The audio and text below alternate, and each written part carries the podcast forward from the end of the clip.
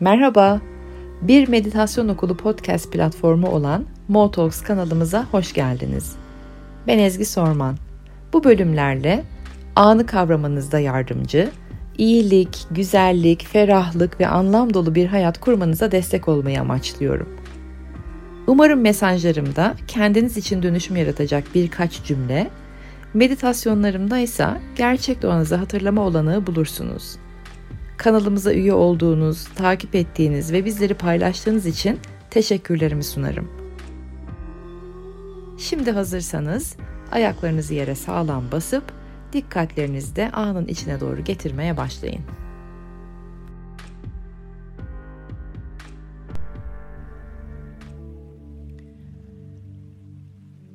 Bugünü bana gönderdiğiniz soruları derleyip cevap cevaplamak üzere kullanacağımı söylemiştim. Ama önce her zaman yaptığımız gibi e, dinleme pozisyonuna geçin. Kendinizi dinleme pozisyonuna alın. Dinleme pozisyonu da e, aktif dinlemek, e, zihni biraz daha pasifleştirmek. Yani ne yapıyorduk? Nefeslerle kendimizi sol beyinden sağ beyine doğru, zihin alanından da kalp alanına doğru Kalp alanından da o sınırsızlığa doğru götürüyoruz önce. Biliyorsunuz artık neyin nasıl yapıldığını. Meditasyonda ilerledik. Kolay değil. Aylarımızı verdik Clubhouse'da, haftalarımızı verdik.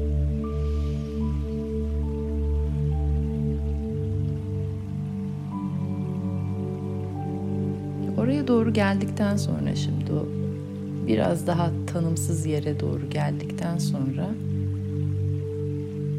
dinleme daha nötr bir hal alıyor. Zihnin limitli, kısıtlı, e, tanımlı yerlerine ve taze olana doğru alan açıyoruz. Şimdi taze olana doğru alan açınca işte belki değişik perspektifler gelmeye başlıyor. Yeni bir şeyler öğreniyoruz ve e, bakış açılarımız belki genişleyebiliyor falan. Açık fikirlilik dediğimiz şey. Zihni biraz daha esnetebilmek, genişletebilmek. İlk zamanlarda gelen bir soruyla başlamak istiyorum. Oradan çok yol kat ettik. Eminim bunu soran kişi de zaten e, bayağı kendi içinde yol kat etti.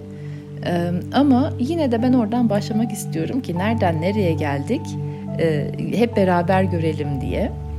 Hani nerelerdeydik? Çünkü bu kolektif çalışma, kolektif çalışmada eminim birinizin sorduğu, diğerlerinizin de zaten sormak istediği soruydu. Ee, şöyle bir soru gelmiş. Evet biliyorum duygular, düşünceler benim. Ee, ama dışarıdan gelen sesler var ve ben dışarıdan o sesleri duyuyorum. Sonuç olarak organlarım bana bu sesleri duyuruyor. Beynime işte komutlar veriyor ve organlar bu sesleri bana duyuruyor. o zaman hani içerisi ve dışarısı yok ne demek? Dışarısı bayağı var çünkü sesler dışarıda. Şimdi hani ben dışarıdan sesler duyuyorum dediğim noktada kendimin madde kimliğinden bahsediyorum. Burada dönüp dolaşıp şuraya varacak konu e, ben tanımım ne? Benim dediğim aslında kim? Ve iki gün önce galiba konuşmuştuk. Hiçbir deneyimde bilenin dışında başka birisi yok. Yani duyanın dışında başka birisi yok, görenin dışında başka birisi yok. Yani deneyimleyenin dışında başka birisi yok. O zaman dışarıda yok başka hiçbir şey. Ben deneyimliyorsam var. O zaman e, ben dediğim bu karakterin tam olarak kim olduğunu tanımlamak çok önem kazanıyor ve benim irdelediğim en büyük yerde hep burası oldu çocukluğumdan beri. Ben kimim? Hepimizin değil mi? Bütün düşünürlerin de. Bilim insanlarının da ben kimim? Ben dediğim şey ne? Ve madde kimliğimde bir ben var evet. Ama madde kimliğimdeki ben içi çok kısıtlı kalan bir ben. madde kimliğim hani öldükten sonra yok oluyorum'a inan, inanırsam eğer e, devamı gelmiyor. Devamı geliyor olsaydı zaten konu orada biterdi. Ama bitemiyor ya bitemeyen bir konu bu. İnsanın kendisini araştırması. Dolayısıyla dışarıda hiçbir şey yok derken dikkat alanımızın dışında hiçbir şey yok. Bilenin dışında bilinen yok. Ve baktığınız her yerde bileni göreceksiniz sadece. O da işte ben dediğim olay. Kafalarınızı iyice karıştırdıysam daha da karıştırmak istiyorum. Hoşuma gidiyor çünkü kafalar karışınca o karışıklığın içerisinden başka sorular çıkıyor ve gerçek sorularınızı bulmaya başlıyorsunuz. Fuzuli işlerle uğraşacağımıza, zihnimizi fuzuli sorularla, detaylarla uğraştıracağımıza hakikati bulmaya başlıyoruz. O zaman da işte özgürlük oluyor falan. Ee, filozofların yüzyıllardır sorduğu bir soru var. Bu sorunun peşinden gidin. Ee, bana yönlendirilen hani benim sesler dışarıdan geliyor o zaman bu nedir dışarısı yok nedir'i bu soruyla irdeleyebilirsiniz. Ben herhalde 16 yaşındaydım bu soruyla tanıştığımda ve hani sürekli onunla dolandığım için cevaplarımı bulabildim. Soru şu, hiç kimsenin olmadığı, hiçbir canlının olmadığı bir ormanda bir ağaç yere devrilirse ses çıkarır mı? Yani etrafta o ağacın devrildiğini deneyimleyen hiç kimse yoksa devrilme sesi var mı? Ve zaten ses dediğimiz şey ne?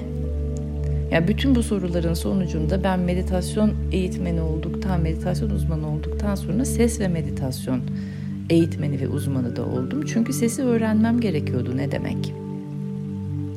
Dışarıdan gelen bir sesi güya tırnak içinde e, mesela diyelim ki iki arkadaş oturuyoruz biz. Dışarıdan bir ses geliyor. İkimiz de aynı sesi duyuyoruz. Hani güya bu bizim dışımızda. Tamam.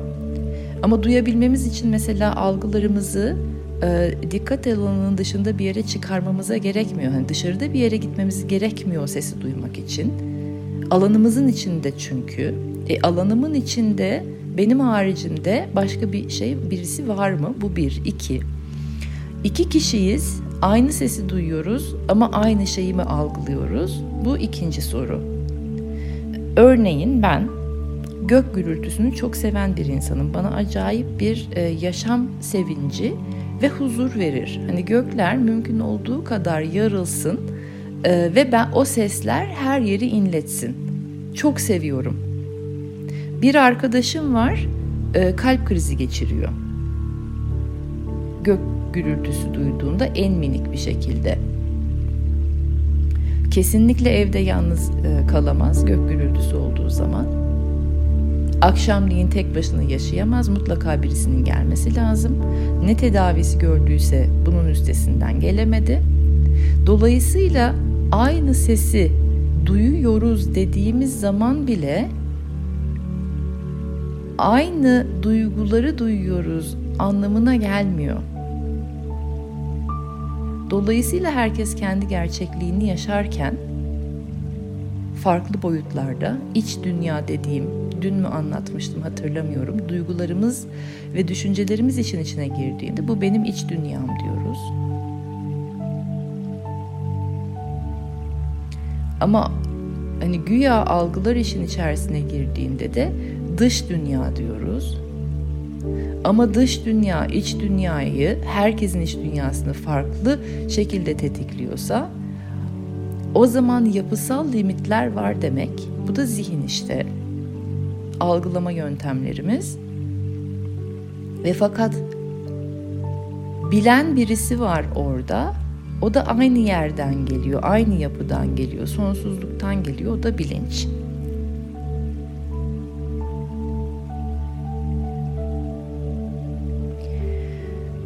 İkinci gelen soru bayağı hoşuma gitti. Ben daha güzel herhalde soramazdım bu soruyu. Aslında soru sorarken kendisini de anlatmış bu şahıs. Demiş ki bilinç ölümle başlıyor değil mi? Ne kadar güzel bir soru sorma yöntemi. Evet bilinç ölümle başlıyor. Dolayısıyla biz hani doğdum dediğimde bir şeylerin de öldüğünü fark edersek sonsuzluğun öldüğünü ben doğabilmem için madde haline gelebilmem için sonsuzluk kendi sonsuzluk doğasına ölüyor. E her doğumda bir şeylerin öldüğünü zaten kavrarsam ölüm çok da ürkütücü bir şey olmaz. Ölümün içinden yaşam doğuyor. Ve devam etmiş bu kişi. Bilinç ölümle başlıyor değil mi? Biz doğumla aslında ölüme adım atıyoruz. Nefesimiz kesilince de ölümü tamamlıyoruz. Evet. Aslında evren yok ve 99 boyutlu simülasyon var sadece değil mi demiş. Evet bana göre de öyle. 99 boyutlu simülasyon gerçek ve sadece bilinç var. Evren denilen de bir şey yok. Çünkü evreni kimse deneyimlememiş, evreni kimse tanımlayamıyor, evreni kimse anlatamıyor. Dolayısıyla deneyimleyemiyorsak yok ya anlatamıyoruz, tanımlayamıyoruz, deneyimleyemiyoruz. Ama bilinci e, bilincin kendisi olabiliyoruz. O sonsuzluğun ne demek olduğunu zihin bir şekilde e, simüle edebiliyor. Şimdi buradan yola çıkarak Einstein'ın bubble teorisi var. Bubble teoremi, köpük teoremi galiba Türkçesi. Ben İngilizce okudum bütün bunları New York'tayken. Astrofizik almıştım. Einstein der ki bir küvetin içerisine e, köpük yapabilecek bir şey koyun. Şampuan, ne bileyim işte e, sabun her neyse. Küveti suyla doldurun ve köpük yapabilecek bir şey koyun ve ondan sonra elinizle e, bir güzel devinim yaratın ve çalkalayın. Ondan sonra orada ne kadar o devinim, o hareket, o, o, o sabun ondan sonra ve o su miktarı ne kadar köpük yapabilirse o kadar evren var. Her köpük birer evren demek. Einstein'ın köpük teoremi bu. Ve çünkü Einstein her şeyi irdeliyor, bakıyor, giriyor, çözüyor, buluyor, işin içinden çıkamıyor. Diyor ki tek evren diye bir şey olamaz.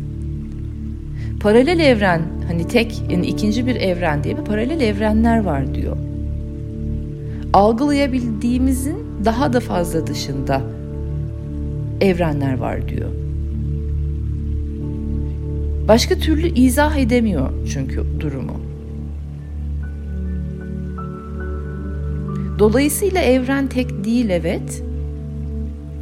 Ve evren diye bir şey de yok simülasyon. Ve bilincin e, her madde yaratmak için kendi doğasına ölümünden kaynaklanan simülasyonlar. Eee ve belki de bu gaz sıkışmalısından doğan daha önce de söylemiştim bir öneri belki de büyük patlama dediğimiz şey bir kereye mahsus bir olay değil. Belki her zihin oluştuğunda yani her e, sonsuzluk kısıtlı bir hale dönüştüğünde tanımsızlık tanıma kendini evirdiğinde Big Bang fark ediliyor her seferinde.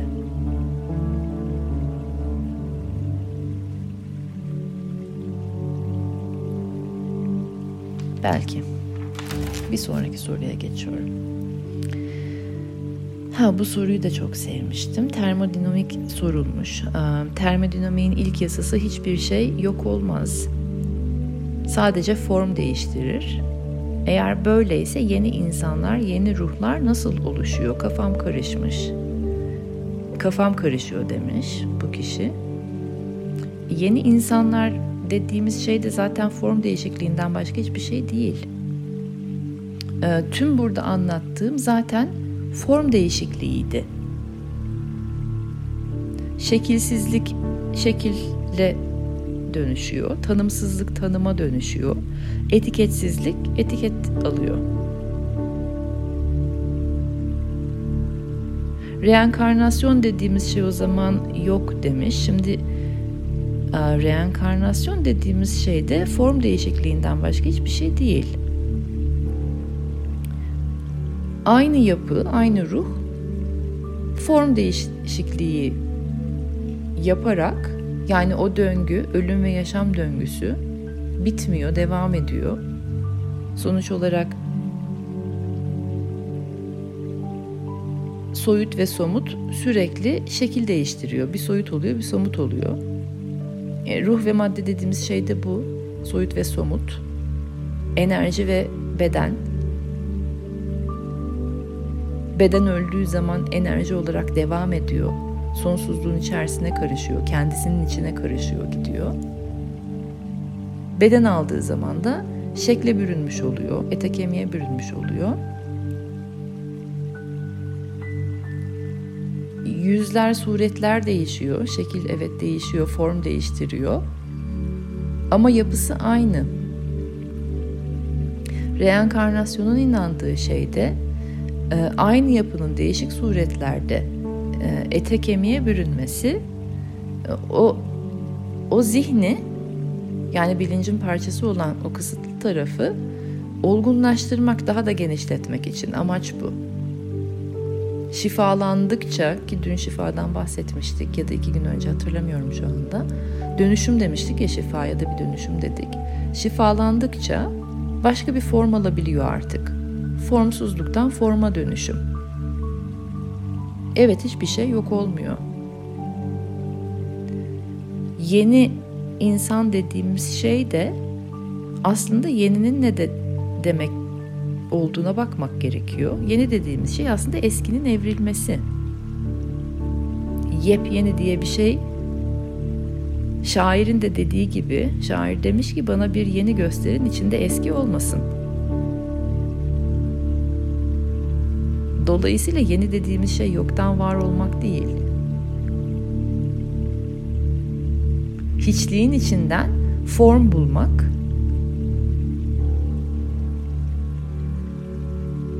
hiçliğin içinden form bulmak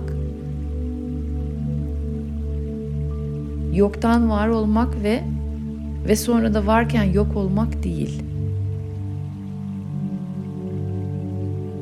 Bir niyetle forma girmek. Ama o niyetin içinde zaten her şey vardı hep.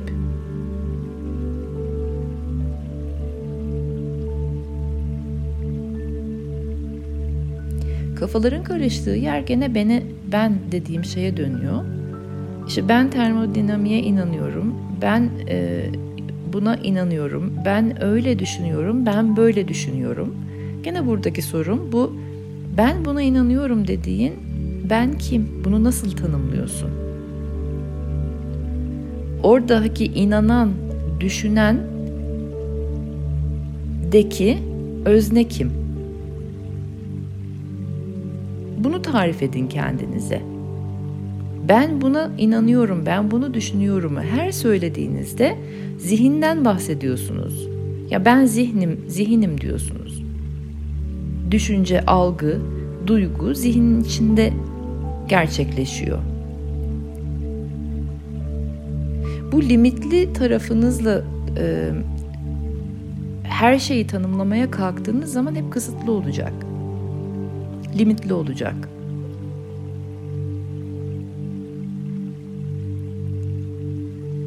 Ve bunu herkes söylüyor bu arada. Tüm inanışlar söylüyor zihnin ne kadar limitli olduğunu. Kur'an'da da demiş. Beni sakın ola zihninizle anlamaya çalışmayın.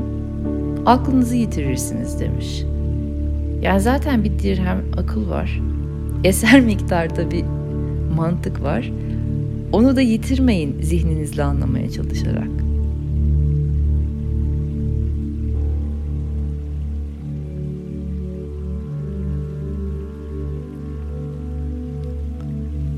Sonra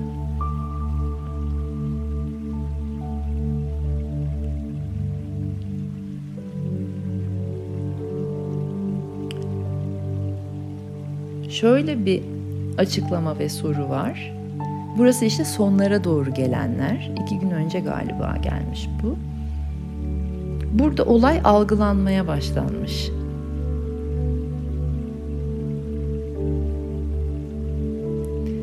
Diyor ki yani uzun lafın kısası hocam. Bir ben varım. Bir de deneyimleri yaşayan ben. Hani duyguları, düşünceleri, algıları yaşayan ben. Doğru değil mi? Evet doğru. Benim zihnim de bu geniş bilinç halinin parçası değil mi? Evet zihnimiz bilincin bir parçası. Ama hali değil. Hani zihnim bu geniş bilinç halinin parçası mı diye soruyor. Bilinç bir hal değil. Bilinç bir sadece hani sonsuz bir alan olarak onu algılayabiliriz ama biliş bir hal, biliş hali diye bir şey var. Bilincin bilmesi ama onu tam olarak zihnimizle de algılayıp deneyimleyip tanımlayamadığımız için bilincin bilmesine ancak biliş hali diyebiliriz herhalde. Bilen ve bilinen diyebiliyorum ben. Ama o bilineni bilinç nasıl biliyor? Onu şu anda bilemiyoruz. Bilebilmek için de meditasyon. Çünkü meditasyon işte dingin tanık dediğimiz yere götürüyor bizi. Dingin tanık ne? Tüm deneyimleri deneyimleyeni deneyimleyen.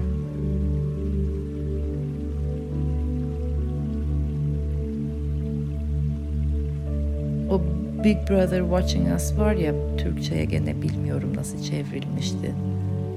Abimiz tepeden bizi izliyor.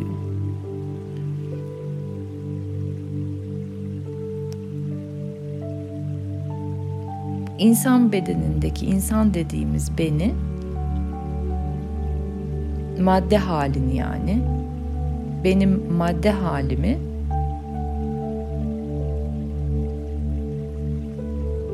müdahale etmeden deneyen alan o, o, o iki göz asıl ben.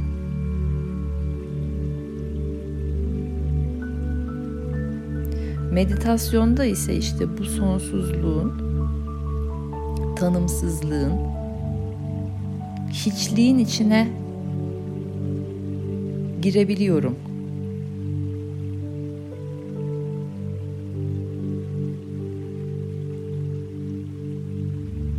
Başka da bir yöntem yok. Ve yine tüm inanışlarda var bu.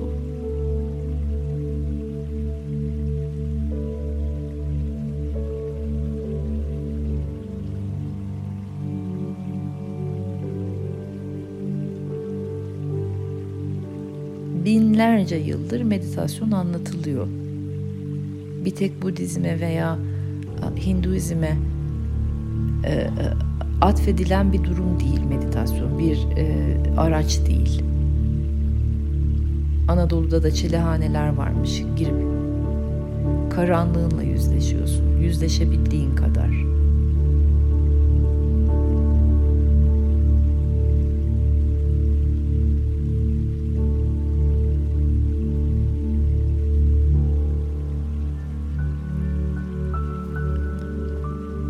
Meditasyona dair bir şey söylemek istiyorum burada. O da hani uyku meditasyonları diye bir şey var ki ben çok karşıyım. Uyanmak için kullandığımız bir aracı, bir sistemi uyku için kullanmak kadar e, yersiz kullanım yok. Zihni hakikate uyandırmaya çalışıyoruz ne kadar sonsuz olduğunu, ne kadar sınırsız olduğunu, ne kadar geniş, engin olduğunu ve tanımla, tanımsız, biçimsiz, şekilsiz olduğunu anlatmaya çalışırken iyi uyutuyor diye kullanmak kadar yerli yerinde olmayan yersiz bir kullanımı yok meditasyonun.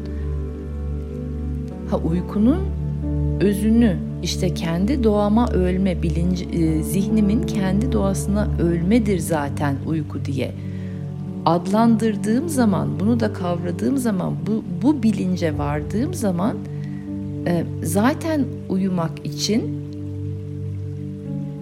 bir araca ihtiyacım kalmıyor. Ve meditasyonla da yapmaya çalıştığımız bu.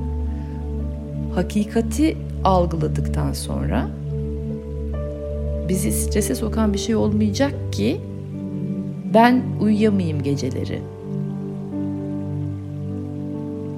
Hakikati algıladıktan sonra bütün sistemi bu yaşam neymiş, ölüm neymiş, olay neymiş, durum neymiş hepsini algıladıktan sonra dedim ya o huzur, o mutluluk ve özgürlüğe varılıyor. Oraya vardıktan sonra zaten geceleri benim uykumu kaçıracak bir şey yok ki. O sebeple de lütfen meditasyonu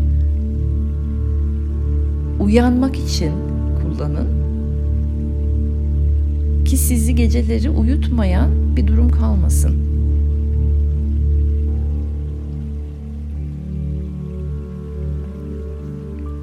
Sonra bana ilham aldıklarım sorulmuş. Nereden ilham alıyorsunuz? Neler okuyorsunuz? Ne yapıyorsunuz? Ee, vallahi desem ki ben çok nadir kitap okuyan bir insanım. O yüzden kitap önerisinde bulunamayacağım. Daha önce de dediğim gibi ben 6 yaşından beri bir durumun içinde bu durum varı araştırıyorum. Hani bu hayat dediğimiz şeyin içinde bir durum var. Başka bir durum var. İlham aldıklarım benim e, yaşamış rol modelleri. Onların hayatlarından ilham alıyorum. Canlılardan, e, doğadan çok ilham alıyorum. Hep izlerim. 6 yaşındayken benim Veysel diye bir tane paçalı horozum vardı. Balkonlu bir evimiz vardı bizim. İzmir'de. Ee, ve süs horozu alınmıştı sebebini bilmediğim bir sebepten. Ondan sonra Veysel koymuştum ismini. Ondan öğrendim ilk neyin ne olduğunu. Sabahları kalkıp ben gün doğumunu seyrederken benim tek arkadaşımdı Veysel. Ee, durumu kendisini izleyerek bir kavramaya başlamıştım. Beraber aynı yerden bakıyor gibiydik.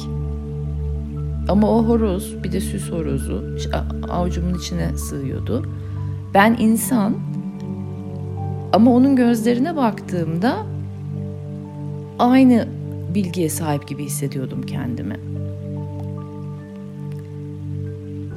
Sonra işte ne sonra hayatlar yaşandı, deneyimler oldu, bilmem neler oldu. Ben böyle işlerin içerisinde falan. Sonra David Simon, Doktor David Simon benim en değerli hocalarımdan bir tanesi oldu. Chopra Üniversitesi'nin kurucusudur kendisi ve vefat etti 2012 yılında. Ee, onkolog ve Ayurveda uzmanı. Onun hayatı öğretileri zaten çok muazzamdı Birebir onunla çalışmak çok büyük onur ve gururdu. Çok büyük şeyler öğrendim ama hayatı yaşayışından, kendisinin hayatı yaşayışından daha fazla şeyler öğrendim. Onkolog ve Ayurveda uzmanı ve e, 30 yılı aşkın bir meslek hayatında tabii ki de Ayurveda ile onkolojiyi birleştirdiği için kanser hastalarına hep hizmet verdi. Chopra Center kanser hastalarıyla dolar taşardı Doktor David Simon'ı görmeye gelen. Doktor David Simon kanserden öldü. Çok nadir bir beyin tümörü ne e, rastlandı ve kendi kendine teşhis koydu. E, daha önce bulunmayan, bilinmeyen, çok nadir, binde bir e, beyin tümörleri falan görülen bir tümör var bende galiba deyip kendi CAT scanlerini kendisi gidip yaptırdı. Kendi kendine gitti buldu. E, tabii ki öğrencileri ben dahil e, ağır çalkalandık. Nasıl olur? bu kadar iyi bir insan, bu kadar herkese e, şifa dağıtan insan, kendisi onkolog, e, kanserden mi, beyin tümöründen mi ölecek? E, ve hani öğrenildiğinde falan son 6 aylık, herhalde 6 aylık bir ömrüm kaldı dedi. Bir yıl yaşadı. E, o bir yılı yaşama halini izlerken ben gerçekten zihnin ne kadar kısıtlı olduğunu ve tek bilincin ne demek olduğunu onun hayatından öğrendim. Şöyle bir cümle kurdu. Kendisine gidip bir özel bir görüşme yapmak istemiştim. Türkiye'ye e, e, Türkiye Amerika arası gidip gelirken o zamanlar. Nedeni bulamıyorum dedim. Hani sizi belki şey yapacak, hani zorlayacak bir soru duygusal olarak ama sizin neden kanser olmuş olabileceğinizi bulamıyorum. Hani neden evren böyle bir şey uygun görsün size? Evreni bir kenara bırak Ezgi dedi. E, consciousness bunu bunu yaratan bilinç yani kendi kendime yaratıyorum. Çünkü ben öyle çaresiz hissettim ki artık bu kadar binlerce e, kanser hastasını e, nasıl yaşaması gerektiğini. Hani herkes yaşama tutunmak için geliyor. Beni kanserden kurtar, beni kanserden kurtar diye geliyor. Artık çaresizim. Olayın kanserden kurtarılması değil, kanserin bedenden gitmesi değil. Olayın büyük boyutta, büyük ölçüde e, anlaşılması e, ve ben bunu artık nasıl anlatacağımı bilemediğim için e, benim bilincim bende kanser yarattı ki yaşayarak anlatabileyim. Bakın böyle kanser olduktan sonra bunlar bunlar oluyor ve bir yıl ne önerdiyse hastalarına aynısını kendisi üzerinde deneyimledi. Yaptı blog yazılarında bloglarını yazdı. Hep derdi ki e, moral yüksek tutmak çok önemli. Lütfen olabildiğince fıkra, espri, ondan karikatür bunlarla ilgilenin. E, enerjinizi yüksek tutmak çok önemli. Kansere karşı savaş açıyorum değil bunları kullanmayın. Bir, bir savaş yaptığınız bir, bir herhangi bir yerde savaş kelimesi kullandığınız noktada zaten enerjiyi düşürüyorsunuz ve negatifi kendinize çekiyorsunuz. E, ve bir yıl ne önerdiyse kendisi yaşadı ve e, hayatımda gördüğüm e, en asil ölümü yaşadı. Canlı kanlı gözlerimizin önünde e, ölümü çünkü korkulacak bir şey olmadığını, özüne döndüğünü, şekil değiştirdiğini ve şekilsizliğin içinde e, özgürlüğün en geniş halini yaşamaya gittiğini anlattı bizlere ve bloklarında da.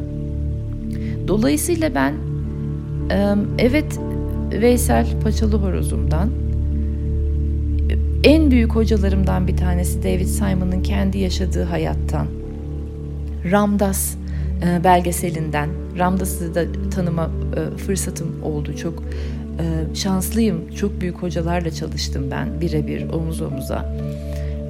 Eve Dönüş diye bir belgeseli var. İzlemenizi çok tavsiye ederim. Empatiye ve şefkate nasıl ulaştığını anlatıyor kendisi. Madde bağımlılığından maddesizliğe nasıl geçişini anlatıyor kendisi o belgeselde. Hatta bir en son yazmak istediği kitap size nasıl yardımcı olabilirim'i başlığını nasıl değiştirdiğini anlatıyor. Bana nasıl yardımcı olabilirsiniz?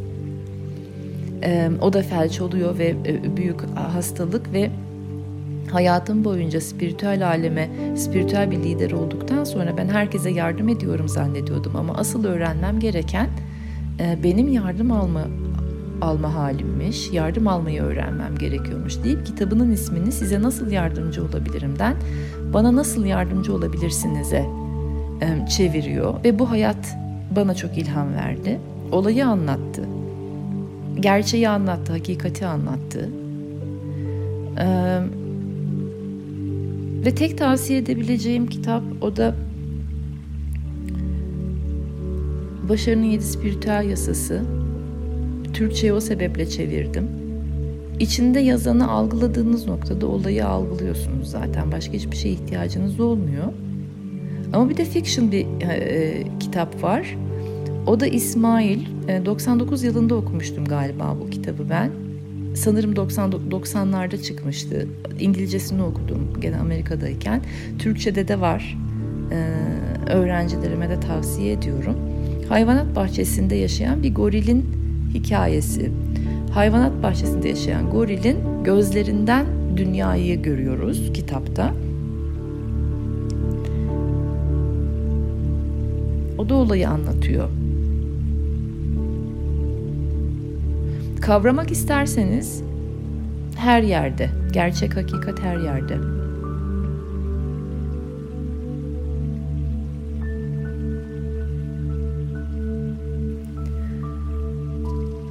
Bakıyorum başka soru var mı, kaldı mı diye.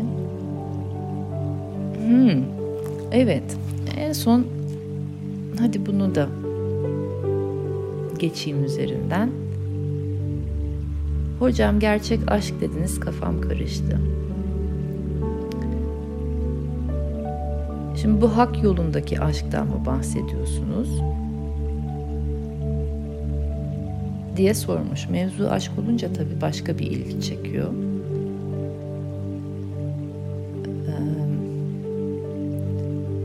Herhangi bir maddeye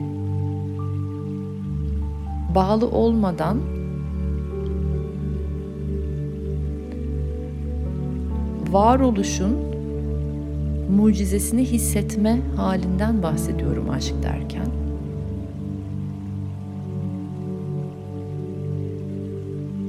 İlhamın en yüksek olduğu enerji boyutu. Sufiler hak yolu demiş evet ona. Spiritüeller evren, evrenin varoluşu demiş, evrenin kalbi demiş. Mistikler yuvaya dönüş demiş. Allah denilmiş, Buda denilmiş, Shiva denilmiş, Kabala eğitilerinden işte oraya varmak istenilmiş. Ejderler, melekler falan var.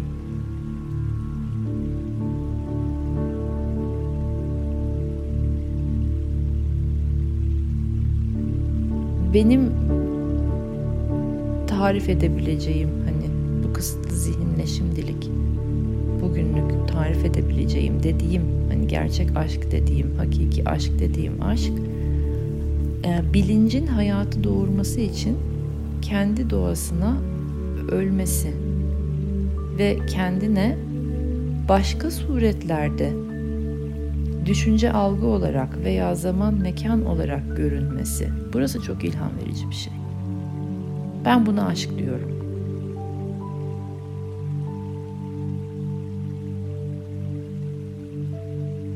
Bir süreliğine kendinden vazgeçmek, kendi doğandan vazgeçmek başka bir hale geçmek için.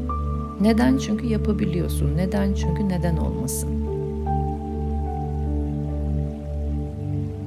Bana çok ilham veriyor bu. O sebeple de şifa bana çok ilham veriyor. Niye aynı şekilde düşüneyim ki bir bakayım başka bir şekilde de düşünebilir miyim? Veya bu düşünce tarzı veya bu duygular beni geliştiriyor mu, bana iyi geliyor mu? Bir fayda sağlıyor mu? Yok hani bu düşüncem benim ne kendime ne etrafıma hiçbir fayda sağlamıyor. İyi o zaman ben zihnimin bu bölümüne ölebilir miyim? Ki başka bir form olsun orası. O ateş böceğinin ateşi tanıması için ateşin içinde ölmesi gibi bir şey. Aşkı ben böyle tanım çok ilham veriyor bana. O vazgeçebilme hali daha büyük bir şey için kısıtlı olandan vazgeçebilmek veya çok büyük bir şeyin sonsuz her şeye kadir her şeyi luğun e, somutu deneyimlemesi için sonsuzluğundan vazgeçebilmesi çok büyük aşk.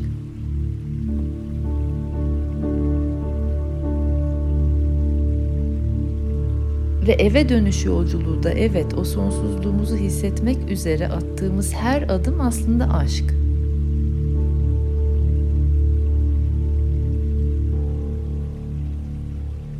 Hakikat uğruna e, döktüğüm her gözyaşı,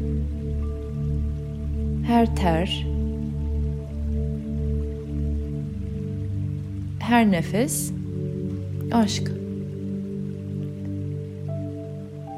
Sonra da kendimin ne olduğunu, sonsuz bilinç olduğunu ve oradan oraya doğurduğumu gördükten sonra da evrile evrile doğurduğumu gördükten sonra da işte benim 6 yaşında Veysel'e baktığımda aynı yerdeniz galiba. Aynı şeyleri şu anda galiba. Hani olayımız aynı galiba.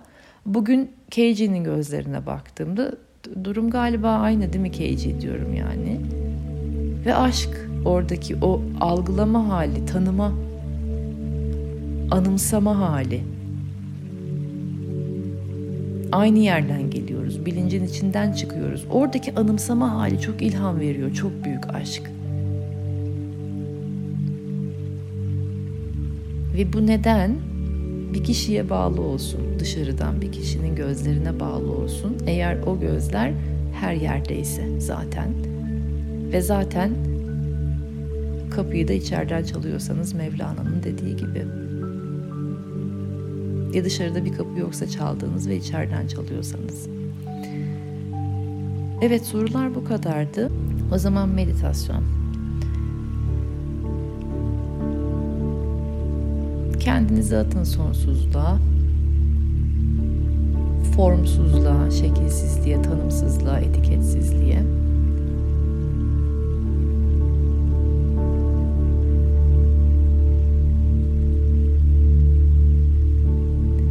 Ve bir süre buradan dünyayı izleyin.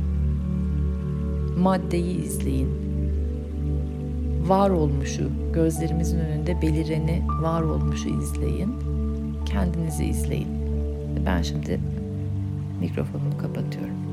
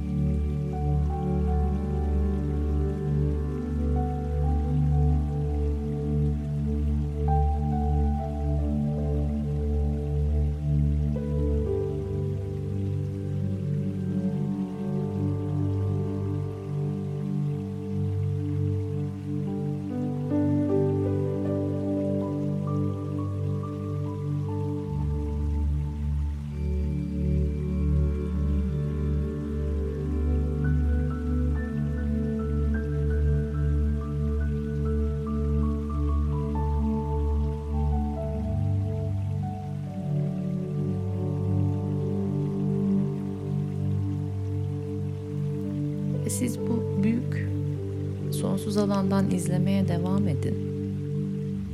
Gerçek dediğimiz şeyi, somut olanı. Oralardayken şu sözlerimi de bir dinleyin. Bu hakikatin peşinde giderken ona ne isim verdiğimiz cidden önemli değil. Bu detayla çok fazla e, meşgul olmayalım. Budizm açıklıyor olabilir bunu. Hinduizm açıklıyor olabilir bunu. İslam açıklıyor olabilir aynı şeyi. Tevrat'ta bir şeyler yazıyor olabilir. İncil söylüyor olabilir. Günün sonunda hepsi bir.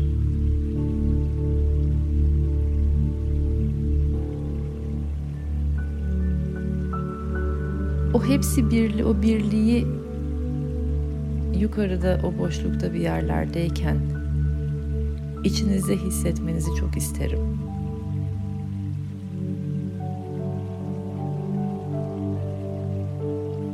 Bir rekabet, bir yarış yok kutsallıkta.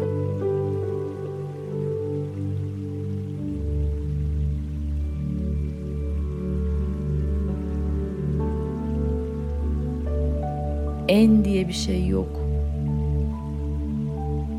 En çok benim Tanrım biliyor. En çok benim kitabım kutsal. En en e, ne kadar ters olduğunu benim anlatmama da gerek yok öyle değil mi?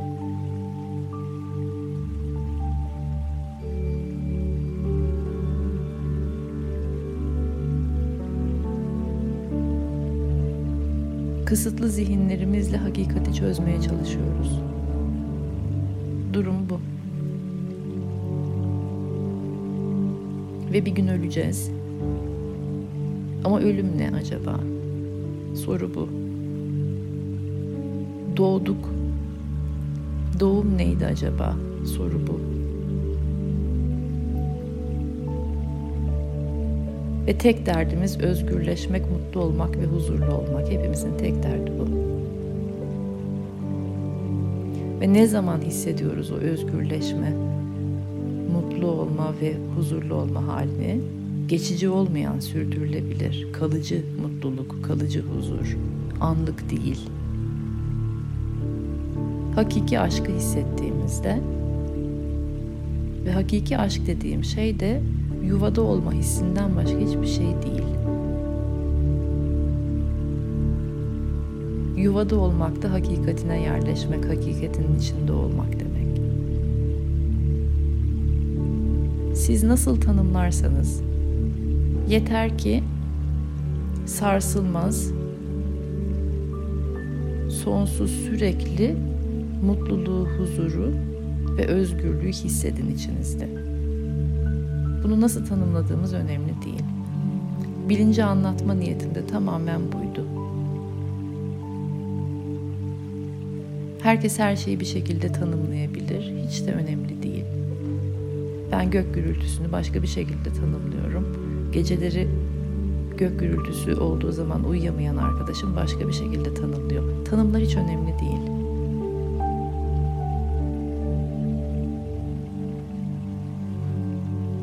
Yeter ki tüm tanımların tanımsızlığın içinden çıktığını tanımlayabilelim. Yeter ki ben dediğimin tüm deneyimleri deneyimleyeni, deneyimleyen olduğunu bilebileyim. O zaman ben dediğim bu kısıtlı zihni çok da ciddiye almıyorum. Onu çok da ciddiye almadığım zaman hayat çok güzelleşiyor.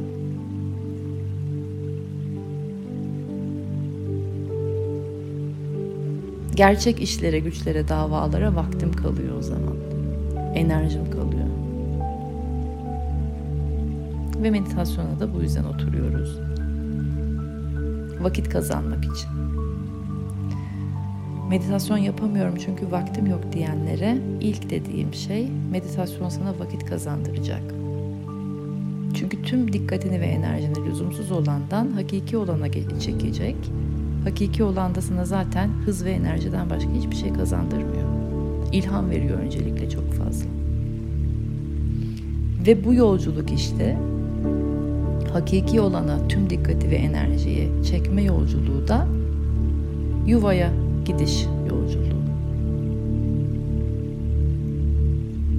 Ve onun için dökülen her gözyaşı, atılan her adım, çekilen her nefes, her ah, her oh, her of çok değerli, çok kıymetli. Dinlediğiniz için çok teşekkür ederim.